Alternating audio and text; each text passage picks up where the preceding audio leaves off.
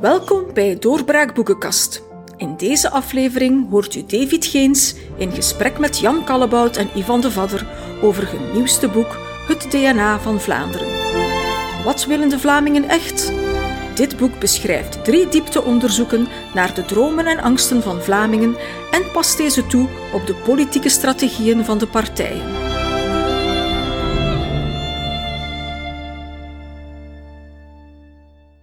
Welkom, beste luisteraar, bij een nieuwe aflevering van de Boekenkast, de podcast van Doorbraak.b, waar we stilstaan bij nieuwe boeken die gelanceerd worden.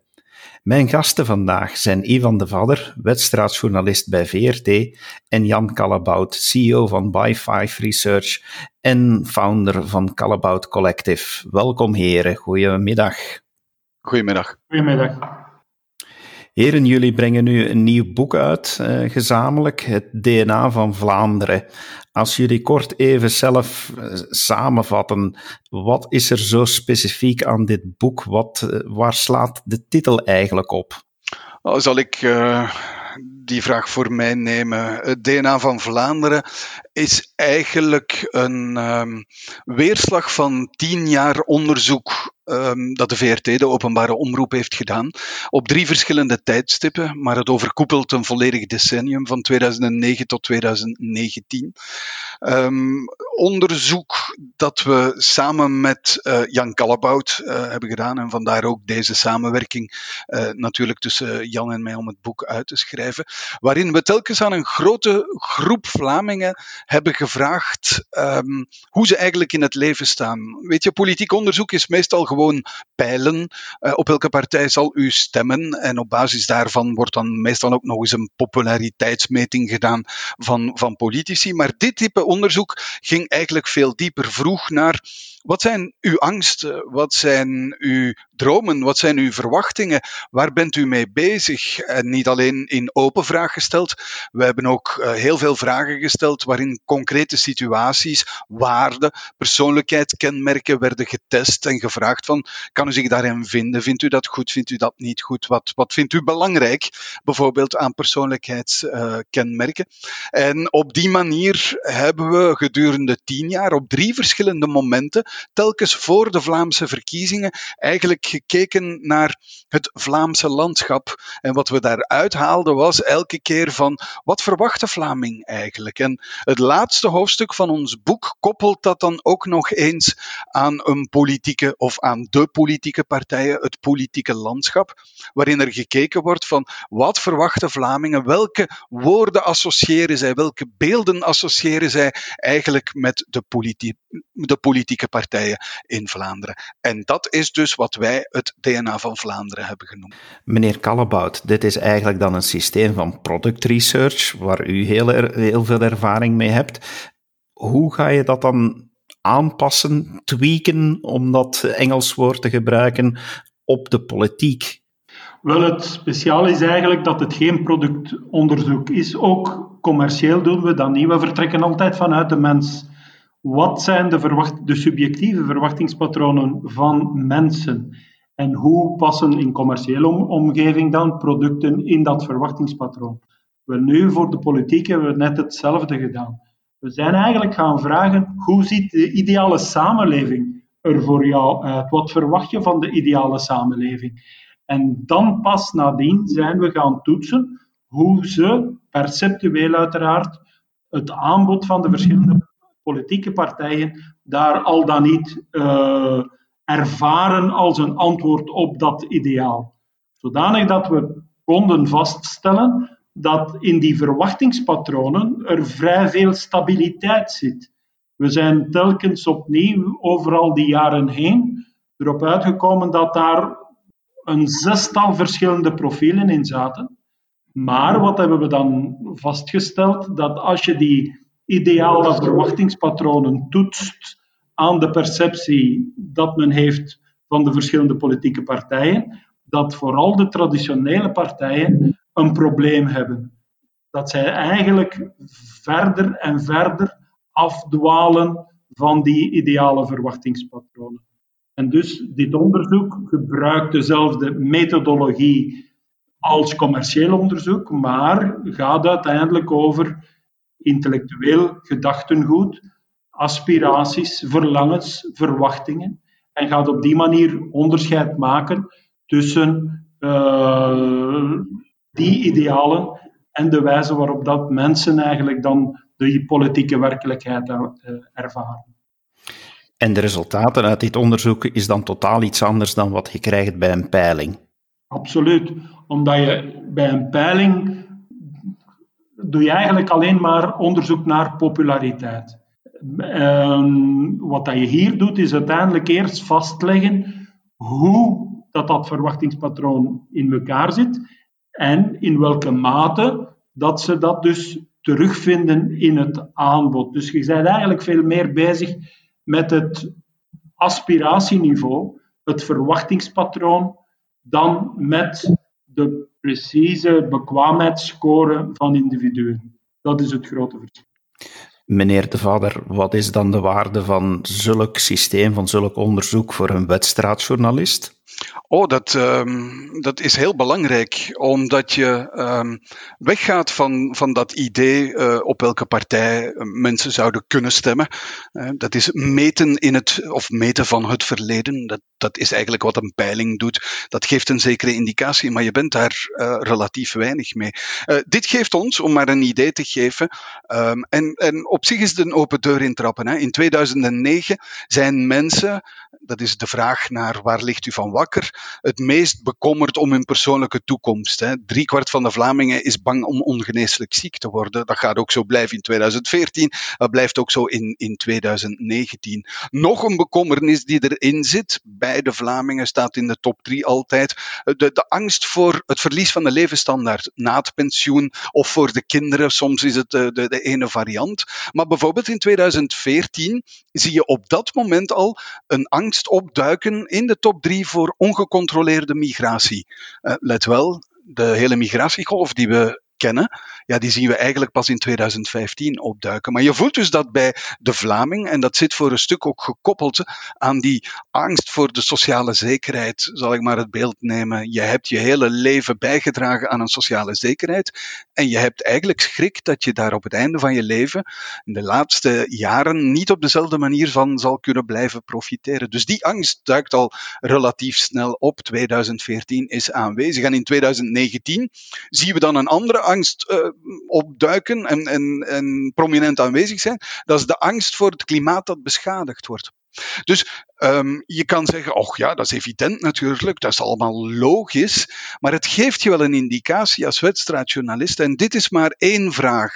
Zo'n een, een ondervraging duurt een uur ongeveer, dus dat neemt heel wat tijd in beslag. Dus dit is maar een manier om in dit onderzoek in te gaan, maar het geeft je als wedstrijdjournalist een veel duidelijker beeld van waar mensen mee bezig zijn. Iets waar wij, wij zijn als journalist, politiek journalist, meestal heel goed getraind om te weten waar politici mee bezig zijn. Um, het weten waar mensen mee bezig zijn, en dan kan je heel, heel sumier zeggen van ja, ga dan op café zitten. Goed, maar ook daar zal je maar een deel van die werkelijkheid uh, te zien en te horen krijgen. Je zou bijna voelspritten overal in de samenleving moeten hebben om dat beeld uh, mooi rond te krijgen. Wel, dit is bijvoorbeeld een onderzoek dat je daar heel veel elementen uh, van, van terug kan brengen. En we hebben het mooi opgesplitst, uh, 2009 wat is er toen gebeurd in de geschiedenis, politiek, maar ook los daarvan gewoon in de samenleving 2014 en 2019 en gaan kijken waar lagen Vlamingen in die drie tijdsgevrichten van wakker, waar waren ze mee bezig? En je ziet heel mooi die opbouw en die evolutie uh, in, in de geschiedenis. En dan is er het laatste hoofdstuk en dat vind ik als politiek journalist, omdat je daarnaar vraagt, vind ik dan het, het meest interessante. We hebben ook aan die Vlamingen gevraagd welke waarden, welke kenmerken associëren jullie met politieke partijen, met de partijen in het Vlaamse politieke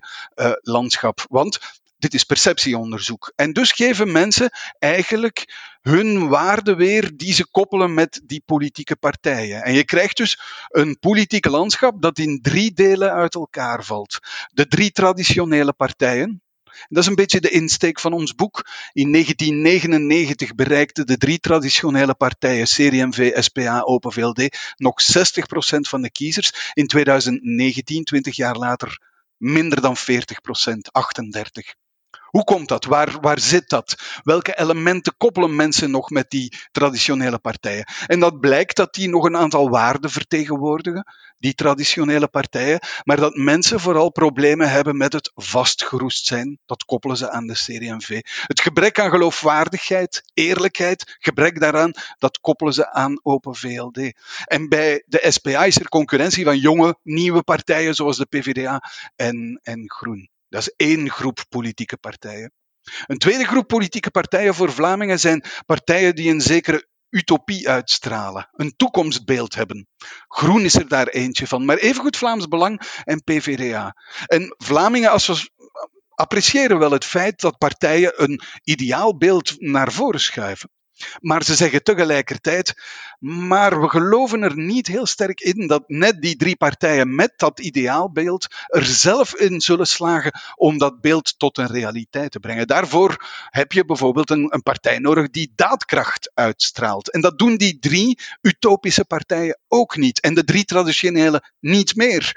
En dus heb je nog de derde groep, die bestaat uit één partij. Dat is de NVA, die volgens dit perceptieonderzoek door de Vlamingen wordt gezien als de partij die verantwoordelijkheid zou moeten nemen, die succesvol is, die inspirerend is en die eigenlijk op dit moment in de ogen van de Vlamingen de partij is die ja, het land zou moeten besturen als ze daartoe de kans krijgt. Dus dat landschap van politieke partijen, dat blijkt uit waar Vlamingen partijen mee associëren, dat is natuurlijk heel rijk om als politiek journalist mee aan de slag te gaan. Ja, dat kan ik wel geloven, inderdaad. Meneer Kallebout, hebben politieke partijen ooit gebruik gemaakt van dit onderzoek? Uh, bijvoorbeeld om hun partijprogramma's op af te stemmen of om te kiezen waar zij belang aan hechten? Wel, uh, het ganse verhaal is eigenlijk begonnen door het feit dat ik mijn grote internationale onderzoeksfirma verkocht in 2006 en een beetje tijd om handen had en gevraagd werd om uh, toenmalig uh, de campagne van de termen te helpen uh, ondersteunen. Dus eigenlijk was ik verbaasd op het moment dat die vraag kwam, hoe weinig dat de politiek, het politieke milieu wist over het verwachtingspatroon van hun klanten, zeg maar van hun kiezers. En toen ben ik eigenlijk een systeem van bevraging gaan ontwikkelen om daar inzicht in te krijgen. In feite komt het neer op het feit dat je moet begrijpen dat sommige mensen, sommige kiezers, meer belang hechten aan het oplossen van hun angsten, aan hun twijfels, de zaken die hun leven lijken in gevaar te brengen, of de, hun, de wijze waarop het dagelijkse leven eigenlijk ja, bedreigd wordt versus zij die eigenlijk vertrouwensvol kijken naar de toekomst en vooral gedreven worden door hun dromen. Dat onderscheid maken is voor een politieke partij blijkbaar vrij moeilijk. Men, de meeste politieke partijen leven in hun eigen werkelijkheid. En wat ik dus toen geprobeerd voor CD&V, voor Team Leterme zal ik maar zeggen, dat is om de wereld te bekijken vanuit de klant, vanuit de kiezer. Uh, maar blijkbaar is dat uh, geen evidentie. Is dat eigenlijk voor de meeste politieke partijen iets wat dat onheimelijk is, een klein beetje vervreemdend is. Waarom? Omdat zij vooral onder zichzelf en tussen zichzelf uh, discussies voeren en in feite relatief weinig luisteren naar de behoeften van de burger. En, en ja, het is moeilijk om politieke partijen te vinden die systematisch op zoek zijn naar informatie van de kiezer. Vanuit het verlangen van de kiezer, wat dat ze meestal doen, is vooral luisteren hoe ze reageren op hun politiek aanbod, dat, ja, dat in feite voor mij dan een klein beetje de omgekeerde richting uh, volgt van wat dat er zou moeten gebeuren.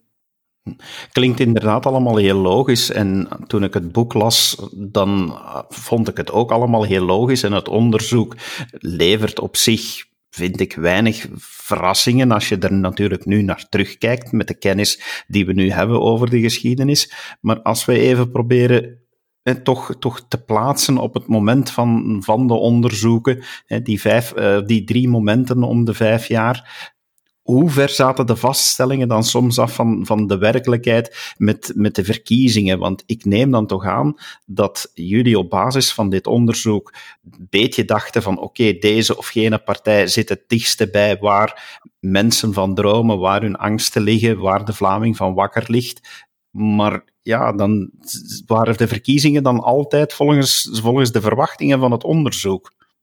Oh nee, absoluut niet. Maar uh, opnieuw, je moet er geen peiling van maken. Um, want uh, zoals daarnet gezegd, die peilt alleen naar het verleden. Maar 2014 is denk ik een heel mooi voorbeeld. In 2014 hebben alle partijen zich toegespitst op de economie en op een heel klein deeltje van die economie, namelijk de besparingsmodus waarin, ja, waarin iedereen zat. De begroting moest op orde zijn en er moesten programma's berekend worden, want we gingen allemaal maatregelen nemen om die begroting op orde te krijgen. En iedereen moest dat ook kunnen voorleggen hoe dat, dat zou uh, gebeuren. Terwijl je voelt dat op dat moment in 2014 mensen met andere dingen van economie bezig zijn. Met angst voor de sociale zekerheid bijvoorbeeld. Met angst voor wat er op en af komt uh, bij migratie. Goed, de regering zal daar dan later uh, wel op inspelen. Maar die verkiezingscampagne is eigenlijk maar over een klein deel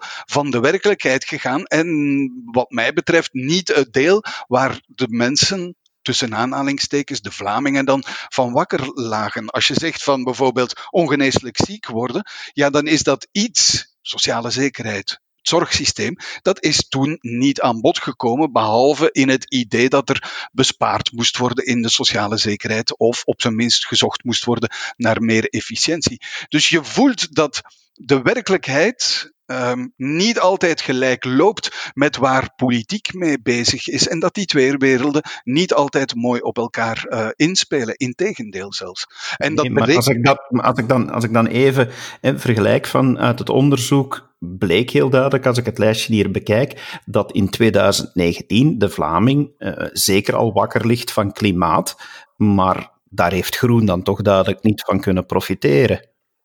Ja, maar dat is niet alleen groen van profiteren. De Vlaming ligt wakker van klimaat. Maar zoals Jan, en ik zal hem straks zelf uh, de voorzet geven, uh, ook zegt, hij wil ook dat het klimaat afdoende wordt aangepakt. Dat zijn van de grootste uitdagingen van de komende 50 tot 100 jaar waar we voor staan. En dus het, het heel simpele redeneren, men is bekommerd om het klimaat en dus moet groen winnen. Nee, het gaat ook over de manier waarop. Groen heeft een aantal stellingen geponeerd, bijvoorbeeld salariswagens um, beknibbelen op de fiscale voordelen daar rond in nogal stevige mate. Uh, Groen heeft bijvoorbeeld op een bepaald moment gesuggereerd dat je wijnkelders zou kunnen kom komen controleren om te komen tot een vermogenskadaster um, uh, slash belasting die zou kunnen gebruikt worden om die salariswagens te compenseren. Het gaat dus ook over de manier waarop je met groen bezig bent. En Jan, je kan het meteen zelf uitleggen waarom, maar Jan, jij ziet in een combinatie tussen die absoluut beleidspartij, zoals de NVA door de Vlamingen wordt gepercipieerd, en een combinatie met Groen, de groene droom, eigenlijk op dit moment de ideale partij. Die combinatie, dat zou eigenlijk het beste kunnen werken, of dat zou iets kunnen betekenen. Wel, wat we vaststellen is, als we naar die idealen kijken, dat is dat de mensen die het meest bereid zijn om verandering, adaptatie in de structuur van de maatschappij te, te aanvaarden of zelfs na te streven, dat dat enerzijds uh, gebeurt vanuit zij die een maatschappij willen bouwen, die op een dynamische manier met de economie en alles wat er samenhangt willen uh, omgaan, dat dat een, een goede reden is om uh, uw dromen te kunnen waarmaken, om een moderne maatschappij te bouwen. En dat we daar bijzonder veel sympathie uh, zien onder die mensen die dat ideaal delen voor een partij zoals uh, N-VA en, en ook een beetje VL, VLD. En aan de andere kant, de optimistische wereldverbeteraars, zoals we ze in het boek noemen, zijn ook mensen die op een verrijkende manier uh, de maatschappij willen, willen aanpassen. Dus die bereidheid tot verandering verbindt die uh, mensen, dus het publiek dat ze aanspreken, enerzijds groen, anderzijds P van de A trouwens ook, en anderzijds uh, N-VA, zijn eigenlijk de mensen die het meest soepel van geest zijn en eigenlijk vooruit willen met deze maatschappij op een manier dat het leven of de samenhang verbetert. Nu, het probleem is dat dit twee partijen zijn die het minst gemakkelijk door één deur kunnen, maar eigenlijk, paradoxaal genoeg, uh, vooral een appel doen op mensen met de meest, uh, hoe zou ik zeggen, met, met de grootste bereidheid om eigenlijk uh, aanpassingen te doen aan de afspraken van de samenleving. En dat is precies waar dat de utopie ligt, of waar dat de kansen liggen om de maatschappij, de samenhang van de maatschappij te verbeteren, om naar de toekomst toe beter om te gaan met crisissen enzovoort. En daar ligt precies de, de uitdaging om een dialoogvorm te vinden die dat zou mogelijk maken. Ik heb het in een andere uh, omstandigheid iets vergelijken met de situatie rond de Oosterweel. Tien jaar heeft men eigenlijk vastgezeten op de keuze ja-nee rond een traject. Men is er maar doorgeraakt wanneer dat zij onder leiding van de intendant op een andere manier met elkaar gaan praten zijn. Dat ze zich gaan afvragen zijn, kunnen we misschien een afspraak maken over de, wijze waarop dat we het probleem gaan bespreken. En op de wijze waarop dat we dan tot beslissingen gaan komen, meer een methodeafspraak dan een resultaatsverbindenis. En dat is precies wat dat er eigenlijk aangeboden wordt in deze analyse in het boek, dat is dat wanneer je je gaat concentreren op de ideale verwachtingen van de mensen, dat er kansen liggen om tot een andersoortige maatschappijdialoog te komen. Maar eh, in het boek lees ik, eh, lees ik ook dat eh, jullie de meeste groei nog mogelijk achten voor de NVA en voor Vlaams Belang. Waarom zit de groei daar voornamelijk? Dat is een andere wijze waarop dat je met idealen uh, kunt, uh, kunt omgaan. Hè. Wat dat je ziet, dat is dat er een um, aantrekkingskracht uh, uitgaat vanuit een vrij sterk identiteitsbewustzijn. En een identiteitsbewustzijn dat je niet moet gaan interpreteren in grote ideologisch-filosofische bewegingen, maar eerder in, ehm, in het verlangen om zeker te zijn dat die opgebouwde welvaart, op die opgebouwde systemen, dat die ook gaan gelden voor ons in moeilijkere omstandigheden. En dus hoe meer angst er is, en elke grote crisis brengt, brengt angst mee, hoe meer kans dat er uh, bestaat dat mensen uh, zich, zich gaan uh, verzamelen rond oplossingen van die die angstuitdagingen. Corona is terug een bedreiging, een test, in dit geval van de gezondheidssystemen, maar ook van de werkloosheidssystemen enzovoort enzovoort. Dus ook daar zit er een, mogelijke uh, oplossing. Dus enerzijds heb je een dynamiek die u beter gaat beschermen, omdat uw angsten uh, beter beantwoord worden. Anderzijds is er een uh, dynamiek om een oplossing te vinden in een soort van sprong vooruit. Een maatschappij die op een andere manier nieuwe afspraken maakt of, nieuwe, uh, of met meer vertrouwen uiteindelijk uh, algemene problemen gaat aanpakken. Ja, en als je dat dus gaat toepassen op wat er nu bijvoorbeeld uh, bezig is, um, de federale regeringsonderhandelingen, alhoewel er zijn nog altijd geen onderhandelingen uh, opnieuw, dan kun je inderdaad de vraag stellen of deze crisis, deze coronacrisis, eigenlijk niet het ideale moment is om op een andere manier tegen de dingen aan te kijken en proberen een aantal tegenstellingen te overbruggen. Je zou zelfs kunnen zeggen dat op dit moment deze uh, crisis een uitdaging zou moeten vormen voor alle politieke partijen um, die op een of andere manier een verbinding kunnen maken, om die dan ook te maken. En op een andere manier er tegenaan kijken. Tegenstellingen, kleinere tegenstellingen op korte termijn, lange termijn te overbruggen en ervoor te zorgen dat deze crisis ervoor ja, leidt naar iets anders dan dat er tot nu toe geweest is. En wat we vandaag opnieuw horen, Bart de Wever die hetzelfde zegt over de PS en de PS die hetzelfde zegt uh, over de NVA. En zo kunnen we eigenlijk nog wel wat uh, tijden of, of uh, kringetjes ronddraaien. En dit zou, als men nu op basis van deze crisis niet de uitdaging ziet om er iets aan te doen, wanneer gaat men het dan wel uh, zien. En dan, mocht het niet zo zijn, ja, dan begin ik stilletjes aan te vrezen uh, voor de politiek, eerlijk gezegd, in ons land. Ik wil natuurlijk niet te veel uit het boek verraden, want uh, we willen, en jullie willen dat zeker ook, dat er heel veel mensen nog het boek gaan lezen. Maar ik pik er uh, één ding uit dat me enorm bijgebleven is, en dat is het volgende citaat. De media moeten eigenlijk veel meer doen. Ze zouden ook de taak op zich moeten nemen om te informeren, te inspireren en te verbinden. Einde citaat. Kunnen de grote mediaspelers door hun marktconcentratie dit nog wel? Of uh, denken jullie dan, en dan vraag ik het natuurlijk in de eerste plaats aan u, meneer De Vadder, eh, hebben we meer kleinere, onafhankelijke, kritische media nodig daarvoor? Oh, nu trekt u een conclusie die wel heel merkwaardig is op basis van wat u daar zegt.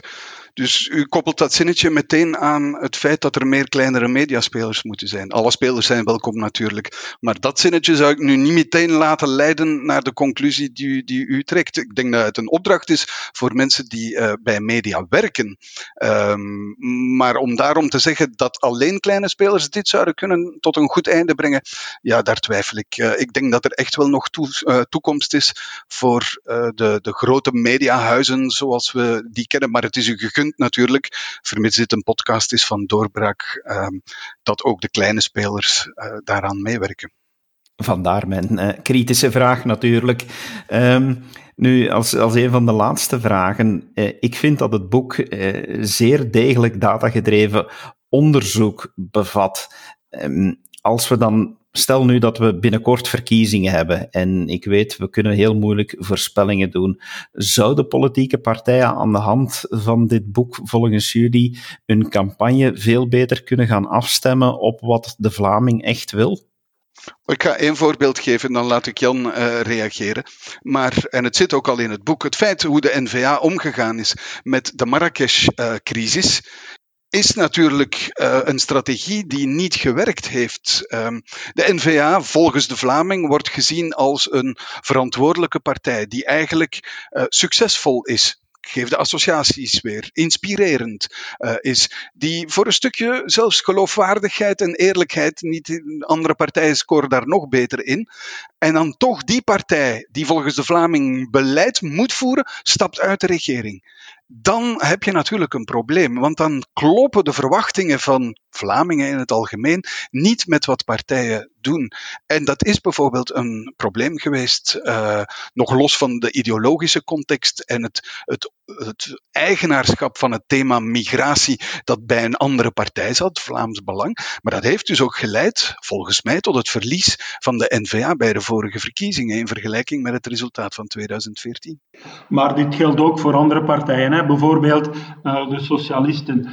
Als je ziet dat eigenlijk de, laat ons zeggen, de, de have-nots, de mensen die het moeilijker hebben in de samenleving, um, zich meer en meer gaan thuisvoelen bij een P van de A, betekent dat zij niet op de juiste wijze de stem gevonden hebben om uh, de mensen die het moeilijker hebben in, in de maatschappij, om die eigenlijk uh, te vertegenwoordigen. Dan, dan denk ik bijvoorbeeld aan de wijze waarop dat ze al dan niet oplossingen gevonden hebben of gesuggereerd hebben voor de milieuproblematiek, die door een vrij brede groep in de samenleving uh, omarmd wordt als een probleem. Maar als dan de oplossingen allemaal dure oplossingen zijn, die de alleen maar hogere middenklasse kan betalen, dan, dan zie je een disconnect tussen uh, dat programma van die bepaalde partij en zijn natuurlijk kiespubliek. Dus als ze daar meer aandacht zouden aan geven,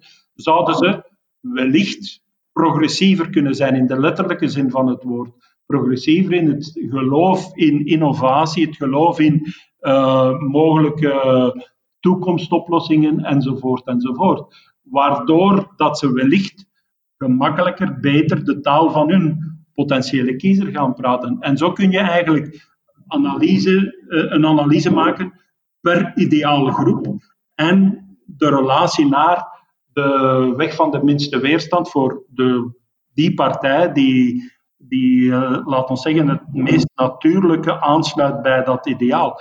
En dat is eigenlijk een, een suggestie die ik aan al die partijen zou doen. Dat is, Kijk wie dat er in uw verlengde ligt. Kijk wie dat er welke problemen voorop stelt vanuit uw natuurlijke interland. En probeer vooral te praten tegen mensen die al een affiniteit hebben met uw gedachtegoed. Waardoor dat communicatie gemakkelijker wordt, waardoor dat ook de oplossingen die gesuggereerd, dat daarom niet gewoon een napraat moet zijn van wat dat de mensen denken of verlangen, maar wel dat ze gemakkelijker zullen begrijpen hoe en waarom dat de oplossingen die u als partij voorstelt, dat die zinvol zijn voor de mensen in kwestie. Dus met andere woorden, de dialoog moet gevoerd worden met zij, naar, met zij die luisteren. En dat is iets dat blijkbaar moeilijk ligt voor de Vlaamse partijen. De meeste partijen eh, praten vanuit de fictie dat zij op hun eentje Vlaanderen moeten besturen. Of slechter misschien nog, gans België zouden moeten besturen. Met gevolg dat er veel utopische elementen in hun verkiezingsdiscours uh, sluipt. Daar waar dat iedereen weet dat er na de verkiezingen gesprekken moeten gevoerd worden, coalitiegesprekken moeten gevoerd worden.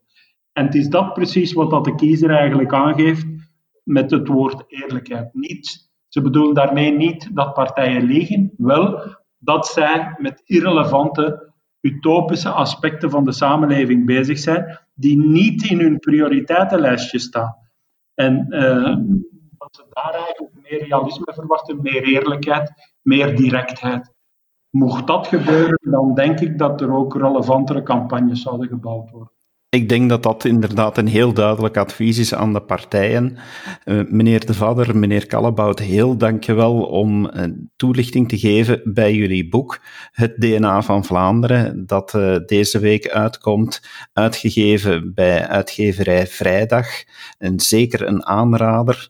Beste luisteraar, u kan het boek rechtstreeks bestellen via de link die u ook in het artikel bij deze podcast horend kan vinden. We raden het zeker aan om snel eens door te nemen, want het kan u heel veel helpen om de politiek van de afgelopen tien jaar te begrijpen.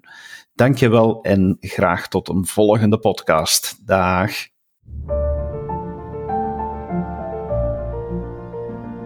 Dit was een interview met Jan Kallebout en Ivan de Vadder over hun nieuwste boek Het DNA van Vlaanderen, uitgegeven bij uitgeverij Vrijdag.